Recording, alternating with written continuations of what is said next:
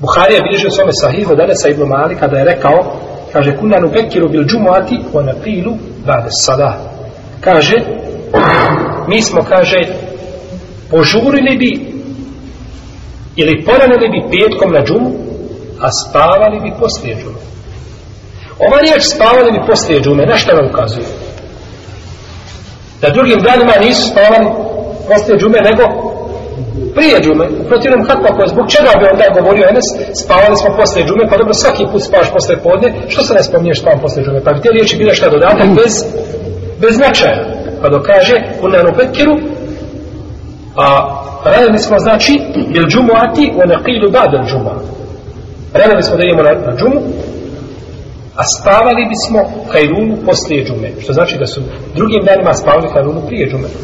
I došla kod imama Malik u njegovom muveti, kažu, klanjali smo sa Omerom džumu, pa bi se, kaže, vratili kući i spavali poslije džume ono što smo navikli da spavamo duhan. Poslije duha vremena, znači, prije džume namaza. Prije podne namaza.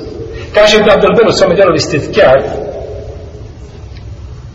kaže, vratili bi se posle džume pa bi spavali da nadoknade ono što ih je proma, promašilo od spavanja prije podne namaza ili prije podne namaza drugim danima kao što su navikli činiti.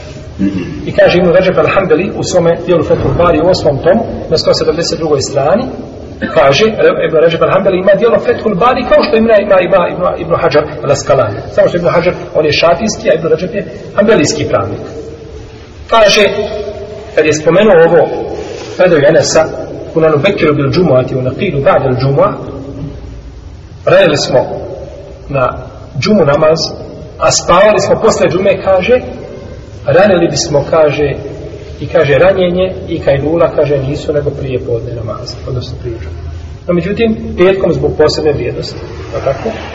Odlazi su ranije u džamiju pa nisu imali vremena da spavaju nego što ne dokladili poslije. No, međutim, ako čovjek spava posle namaza, ne smeta. Posle podne, ako spava posle ikindije, nikakve smetje nema. Hadis koji govori o zabrani spavanja posle ikindije je hadis koji je potpuno slab, a možda i lažan. Znači, nije izostavan, kada god čovjek spava, dozvoljeno mu je, osim tamo gdje je šarijet zabranio, a nije zabranio da se spava ni posle podne, ni posle ikindije. Jer ima hadis ko spava posle ikindije, pa se probudi lud ili tako nešto, taj hadis nije vjerodostavan poslanika za ovo.